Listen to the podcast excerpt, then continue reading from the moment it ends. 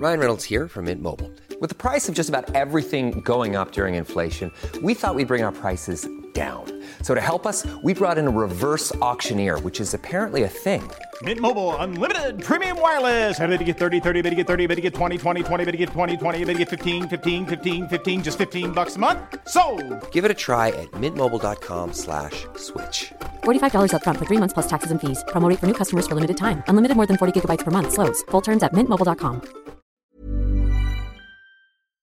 Halo pendengar tentang Manchester United kembali lagi bersama kita berdua ada Saung dan Alvin di sini. Dan setelah kita memenangkan laga yang cukup ya oke okay lah kita dengan skor 2-0 melawan Nottingham Forest di kandang kita akhirnya harus melawat ya ke Crystal Palace atau kita menjamu ya? Kita menjamu. Kita menjamu di Old Trafford kembali gitu. Setelah 12 ke mana beruntun, kita akhirnya kembali untuk melawan Crystal Palace dan ini sebuah match yang sebenarnya sangat gue tunggu ya karena jujur gue benci banget dengan match sebelumnya gitu. Satu-satu di tengah-tengah match antara City dan Arsenal gitu kan. Iya, iya. Ini just ini match yang menurut gue bisa merusak momentum sih gitu. Apalagi hmm. setelah lawan Man City kan track track kita sangat bagus ya. Oh. Kita comeback lawan City gitu dan juga uh, match-match sebelumnya kita juga penampilan kita cukup impresif gitu dan akhirnya kita harus tertahan imbang oleh Crystal Palace satu-satu dan Casemiro ya.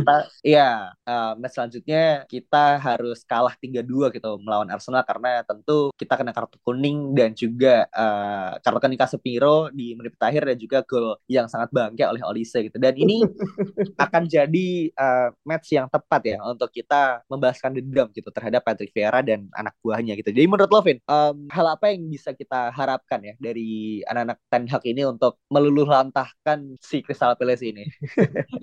benci, benci banget lo ya. Benci banget gue. Sama sih gue juga pas nonton pada saat itu juga langsung speechless kayak anjing nih gue udah begadang jam 3 kenapa semenit sebelum gue tidur malah begini ya ya ya jadi bete gitu dan uh, sependapat juga dengan lo dan gue yakin semua fans MU juga merasakan hal, hal yang sama gitu di mana Sabtu nanti malam minggu jam 10 kita semua akan menyaksikan laga yang mungkin ya bakal menjadi pertandingan debutnya Marcel Sabitzer entah dari hmm. back ataupun ternyata starter gitu kan. Karena kita tahu sendiri Ten Hag ini kadang-kadang suka apa ya suka di luar apa yang kita prediksi gitu. Ya ya, ya, ya. gitu. Jadi menurut gua ketika lawan Nottingham kemarin MU bermainnya mungkin agak slow agak apa ya slow pace lah ya temponya juga agak lambat gitu. Menurut gua melawan Palace ini di home apalagi kita by the way pertandingan home tuh banyak banget ya gitu dan ya yeah. kita syukuri juga gitu menurut gua pace dan juga tempo ini harus kita ambil alih kembali dengan hmm. permainan cepat dan gol cepat juga gitu dan menurut gua sangat mungkin ketika kemarin juga lawan Palace di away ya kita juga sebetulnya bermainnya baik gitu cuma memang kurang hmm. dan di sini menurut gua dengan hadirnya pemain baru dan juga mungkin adanya beberapa kombinasi yang baru ya dengan kita udah pernah bahas bahwa Sancho ini bisa bermain nomor 10 di sisi kanan hmm. kemudian ada Bruno yang bisa bermain di sayap kanan juga dan Martial yang udah kembali dan juga Diogo Dalo juga ternyata sudah latihan ya setelah tiga minggu hmm. absen jadi menurut gue ini akan menjadi booster yang sangat baik dan back kita juga Varane Martinez juga ternyata sangat fit juga ya untuk bermain kembali. Jadi menurut gua kita semua menunggu Marcel Sabitzer kontribusinya seperti apa dan semoga ya di situ kita bisa melihat dia sebagus dan mungkin secocok apa dengan permainan MU. Ya betul dan tentu uh, match lawan Crystal Palace ini tidak hanya menjadi apa namanya kesempatan untuk debutnya Marcel Sabitzer gitu ya dan ternyata Palace itu juga tim yang sama di mana Wakers itu melakukan debutnya ya. Hmm. Jadi dua pemain baru kita di bulan Januari ini uh, melawan klub yang sama gitu. Dan kita juga berharap bahwa hasil akhirnya tentu tidak akan seperti yang sebelumnya kan. Hmm. Dan apa namanya ngomong-ngomong tentang pemain-pemain yang hmm, kembali lagi gitu ya ke squad Martial gitu, Jadon Sancho dan juga datangnya Marcel Sabitzer. Ekspektasi lo sendiri siapa yang kira-kira harus start gitu ya? Karena hmm. seperti yang tadi lo bilang gitu, Premier League kita tentu we, we cannot avoid to drop drop any more points gitu karena yes. uh, dengan bursa transfer yang cukup gila gitu ya kemarin di tentu kita melihat bagaimana sintingnya Chelsea jadi gue jujur agak takut sih kalau misalnya kita slip ya di yeah, top yeah. ini gitu jadi um, kira-kira nama-nama siapa Vin yang lo harap dia bisa starting dan juga um, apa ya langsung jadi pembeda lah hmm. untuk United lawan Crystal Palace besok oke okay. um, kalau misalnya starting line up ya menurut gue uh. mungkin bukanlah nama-nama yang asing sih dan terutama dari lini belakang kalau keeper kemudian back menurut gua akan kembali pada uh, seperti biasa ada De Gea kemudian Varane Martinez Luke Shaw. Dan kalau back kanan memang menjadi pertanyaan ya apakah Diogo Dalot sudah sefit itu untuk menjadi starter? Dan kalau udah fit menurut gua pasti bakal bermain gitu karena Wan Bisaka udah ber, berapa pertandingan mungkin main terus dan tanpa ada gantinya gitu. Cuma kalau ternyata Diogo Dalot juga belum 100% mungkin masih akan Wan Bisaka dan ya masih oke okay sih sebetulnya lawan Palace dan kalau untuk lini tengah menurut gua Casemiro dan Bruno itu akan menjadi garansi starter dan pertanyaannya kan apakah Sabitzer akan langsung bermain atau Fred mm -hmm. dan feeling gue ya feeling gue masih akan Fred karena mm. kalau misalnya kita ingat kembali ketika Weghorst menjadi starter ya lawan Palace itu kan karena lebih kepada nggak ada pilihan lain itu satu kedua karena dia posisi striker yang mana okay. resikonya lebih kecil kalau misalnya harus kehilangan bola ataupun ada missing link di sana gitu karena okay. nama tombak kan di ujung ya paling atas gitu paling depan uh -huh. gitu jadi beda dengan lini tengah gitu yang mana tugasnya mungkin lebih kepada menjemput bola dari belakang kemudian hmm. ada resiko kehilangan bola di sana ketika dia belum bisa apa ya tune in gitu dengan ya. sekitarnya gitu dan gue juga inget dulu ya ada pertandingan di mana Andres Pereira mungkin udah lama banget ya 2000 mungkin 18 19 dia ya. jemput bola kemudian dia kebobolan gitu dia kehilangan bola huh. di di press sama uh, pemain huh. dan akhirnya kebobolan dan kita imbang kalau nggak salah dan gue nggak mau itu terjadi jadi uh, menurut gue adalah pemain yang sudah biasa gitu yang udah pernah bermain yaitu Fred menurut gue dan Sabitzer menurut gue akan dimasukkan di babak kedua untuk menambah uh, tenaga ya ketika misalnya kita butuh untuk retain possession dan juga retain hasil. Ya misalnya kita udah unggul 1-0 2-0 gitu. Menurut gue Sabitzer akan menjadi pemain itu gitu yang bermain di babak hmm. kedua dan untuk depan mungkin ini agak membingungkan ya karena opsinya ternyata ada 6 sampai 7 pemain gitu untuk memperebutkan hmm. tiga pemain tiga posisi ya dan menurut hmm. gue ini saatnya Weghorst untuk istirahat gitu ya karena udah tua dan juga nggak tua banget sih ya cuma dia udah banyak pertandingan bermain starter jadi dengan kembali Martial menurut gue dia udah sangat siap ya untuk menjadi starter Rashford juga udah pasti di kiri nah mungkin nih yang kanan mungkin agak bingung gitu apakah Anthony atau Sancho gitu jadi hmm. feeling gue sih masih bakal Anthony ya karena Anthony juga nggak lagi jelek ya cuma memang dia bisa memberikan width atau uh, apa ya kayak kelebaran yang yang hmm. Sancho ini mungkin dia nggak bisa kayak gitu ya Sancho lebih kepada bermain di dalam gitu ya di yeah. nomor 10 atau inside gitu tapi kalau Anthony yeah. sangat bisa bermain di ujung banget dan menurut gue Anthony akan bermain. Ya, feeling gue sih justru kebalikan dari lo sih, Vin. Semuanya. Karena, semuanya.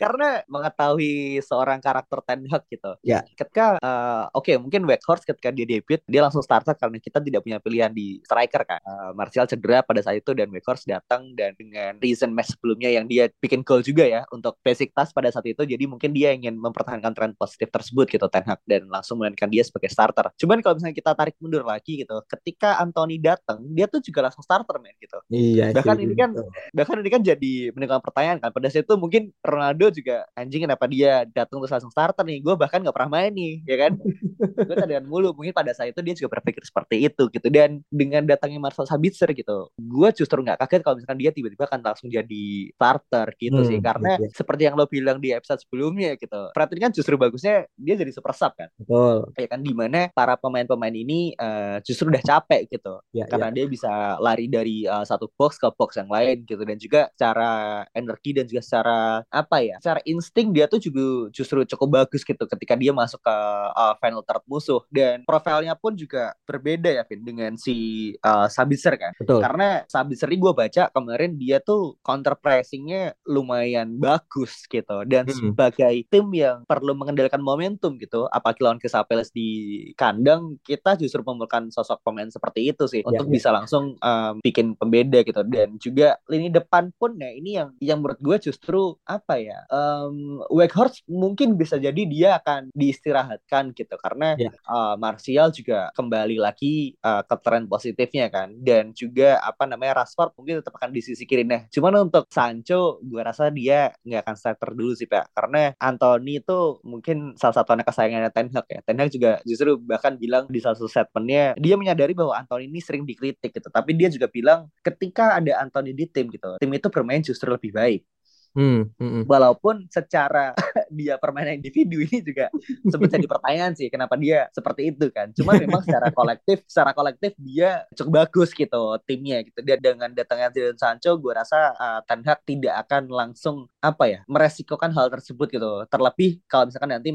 emang Marcel Sabitzer akan langsung starting ya. Jadi itu kan akan memberikan dinamik yang berbeda sih menurut gue. Betul betul. Iya, uh, iya ngomongin Anthony memang apa ya? Mungkin secara kita melihat Anthony bermain mungkin agak kita ekspektasinya mau mau salah kali ya atau mungkin Mahrez gitu kan yang mungkin bisa Iya, yang direct lah, pemain-pemain yang, yang direct gitu kan. Betul, yang direct hmm. counter attack kemudian larinya yeah. kencang bisa cetak gol gitu dan Anthony ini kan masih 22 tahun juga dan dia ternyata memang apa ya kena, kenapa dia didatangkan dan Ten Hag juga pushing hard untuk datengin dia 100 juta yang mana kita akhirnya out of budget ya. Itu uh -huh. memang pada akhirnya menjadi just, apa ya justifikasi bahwa Ten Hag ini benar-benar membutuhkan pemain yang udah ngerti sama sistemnya gitu dan hmm, ini ngerti betul. gitu. Jadi uh, gue juga setuju bahwa uh, meskipun dia mungkin secara statistik individu nggak terlalu bagus, tapi secara permainan tim dia tuh udah ngerti cara mainnya gitu dan hmm, hmm. ketika hmm. dia main di kanan kan memang dia bisa bikin apa ya narik satu sampai dua orang gitu. Yang mana akhirnya yeah. bisa bikin space untuk pemain lain dan Anthony bisa apa ya memberikan mungkin passing atau end passing yang bisa dimanfaatkan pemain lain gitu. Mungkin Betul. itu nggak kelihatan ya dalam statistik atau mungkin yang berujung gol secara langsung gitu. Cuma kalau kita bicara secara holistik dan keseluruhan permainan itu Anthony memang sangat uh, apa ya punya value untuk hal itu dan semoga fans MU ya terutama juga bisa melihat Anthony lebih apa ya lebih luas lagi bahwa dia hmm. nggak cuma masalah gol atau assist tapi dalam sistem dia tuh sangat penting. Betul, setuju ya. Dan gue tadi juga lagi lihat ya rival rival watch um, ketika biasa kita lawan Crystal Palace tuh siapa sih yang Newcastle lawan West Ham, Spurs lawan City. Nah, ini mungkin hmm. akan menjadi momen yang cukup menyenangkan gitu ya. Entah entah Spurs yang makin kehilangan poin atau City yang mungkin bisa bisa kalah gitu karena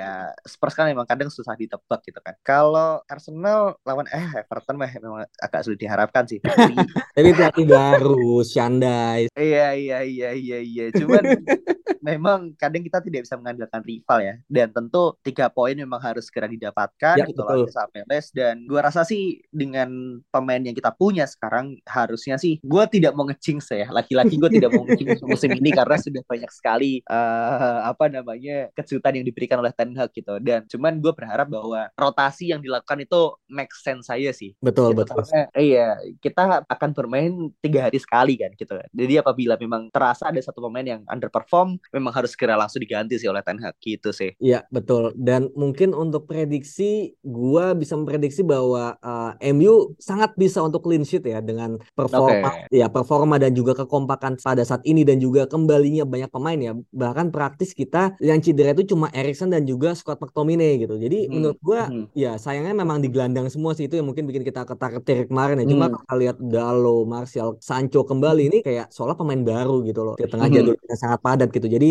hmm. gue bisa mungkin punya keyakinan yang tinggi gitu untuk kita bisa clean sheet lagi. Cuman hmm. ya untuk masalah skor seharusnya kalau bisa lebih klinikal hmm. MU mungkin ya ketika misalnya gue kutip yang lo bilang ya Sabitzer ini bisa starter dan bisa memberikan hal baru dan juga kreativitas menurut gue untuk core 2-0 3-0 itu sangat possible untuk bisa diraih sih. Oke, dan ngomong-ngomong soal clean sheet dan juga Crystal Palace gitu kan. Um, Weghorst debut lawan Crystal Palace dan juga Sabitzer mungkin nanti akan debut juga lawan Crystal Palace kan. Apakah ini match yang tepat kita memberikan debut untuk Jack Butland? Langsung di band ya gitu kayaknya kan karena mainin pemain pinjaman ya kan. Iya kan? Kayaknya ini momen-momen yang tepat gitu. Kita semua berikan debut lah lawan Crystal Palace. Cuman oke okay lah, yang penting kita bisa menang lawan Crystal Palace. Jadi uh, di episode selanjutnya kita tentu bisa membuka ini dengan kembali bersuka cita gitu ya. Apalagi yeah, yeah. itu weekend gitu kan. Dan weekend tentu saja kita tidak ingin uh, bermuram durja gitu ya. Apalagi hanya karena sebuah sepak bola lawan Crystal Palace. Jadi kayak ya kita berharap Rashford dan juga teman-teman ini bisa segera mengunci tiga poin dan juga apa ya segera membuka tempat lah di top 4 ini. Betul. Paling itu ya sih yang bisa uh, kita bahas sekarang dan uh, hopefully tentu kita menang lawan Palace dan juga rival kita segera drop poin. Nah, gue harap Everton juga bisa menemukan ininya ya performa terbaiknya gitu karena Arsenal juga kayaknya gue lihat di timeline juga semakin uh, ini ya semakin sombong, semakin sombong, semakin merasa di atas angin. Jadi kita harus harus segera inilah berdoa bahwa mereka mereka bisa segera humble ya. Paling itu ya sih yang bisa kita bahas. Thank you so much for listening dan see you guys next episode. Bye bye.